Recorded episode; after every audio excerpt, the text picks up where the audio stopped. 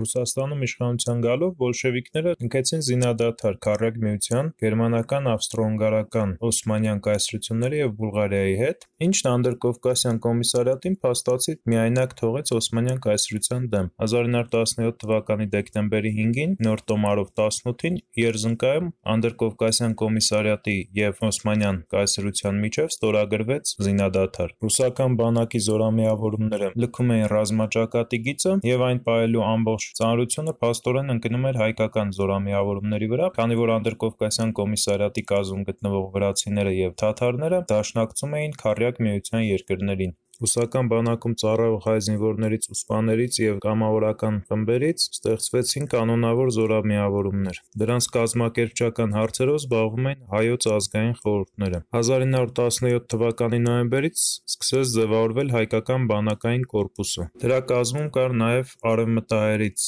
բաղկացած դիվիզիա: 1918 թվականի մարտի 1-ին հայկական բանակային կորպուսը վերակառուցվեց հայկական առանձին բանակային կորպուսի, որի կազմում կար 26 հազարից ավելի զինվոր ու սպա: 1918 թվականի հունվար-փետրվար ամիսներին Քառյակ միության զորքերը խախտեցին զինադադարները և սկսեցին հարձակումը: Օսմանյան բանակին դիմակայող հայկական ուժերը փոքրաթիվ էին և անփորձ և չկարողացան երկար դիմակայել ու ստիպված նահանջեցին ավելի նեղ բնակգիծ, որպեսզի կարողանան ավելի արդյունավետ պաշտպանել ռազմաճակատը: Արևմտյան Հայաստանը վերջնականապես հայաթափվեց: 1918 թվականի մարտի 3-ին Խորհրդային Ռուսաստանը Քառյակ միության երկրների հետ կնքեց Բրեստ-Լիտովսկի պայմանագիրը: Այդ պայմանագրով Ռուսաստանը համաձայնվում էր Օսմանյան կայսրությանը հանձնել Արտահանը, Կարսը և Բաթումը: Նույն այդ ժամանակ Տրապիզոնում օսմանյան և անդրկովկասյան պատվիրակությունների միջև բանակցությունները ձախողվում են և հռչակվում է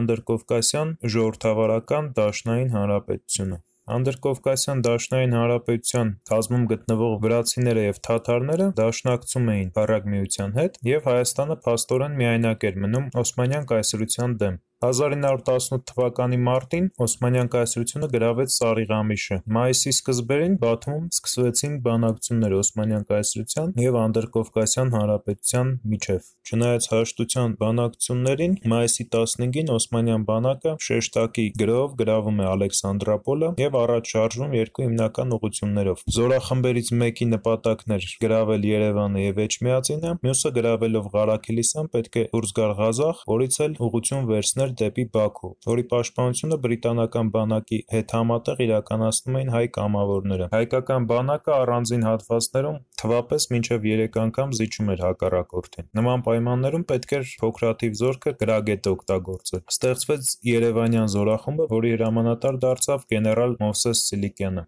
Մայիսի 21-ին Օսմանյան բանակը գրավեց Սարդարապատ գյուղն ու կայարանը: Մայիսի 22-ի վաղ առավոտյան Սարդարապատի զորաջոկատը, որի հրամանատարն էր գնդապետ Դանիել Բեկ-Փիրումյանը, հրետանային նախապատրաստությունից հետո անցավ հակահարձակման: Այդ օրը հայկական եկեղեցիների զանգերն անդադար ղողանջում էին: Շեշտակի հարվածով հայկական ուժերը հետ վերցրին Սարդարապատը և թուրքերին ստիպեցին նահանջել դեպի Արաքս կայարան: ԵՒս մեկ շաբաթ տևած մարտերից հետո Օսմանյան տասնհինգ հազարանոց բանակը, կորցնելով իր ուժերի մոտ մեկ հինգերորդը, նահանջեց Ալեքսանդրապոլ: Ճակատամարտի ժամանակ Արարատյան դաշտի ողջ բնակչությունը բոլոր հնարավոր միջոցներով սատարում էր հայկական բանակին, ինչը մեծապես նպաստեց հայկական ուժերի հաղթանակին: Նույն օրերին վճռորոշ ճակատամարտ էր տեղի ունենում նաև Բաշապարանի մոտ, որտեղ հայկական և եզդիական զորամիավորումները դիմակայում էին իրենց մոտ կրկնակի գերազանցող օսմանյան բանակին: Մայիսի 29-ին, կորցնելով իր զորակազմի մոտ կեսը, թուրքական բանակը ստիպված նահանջեց: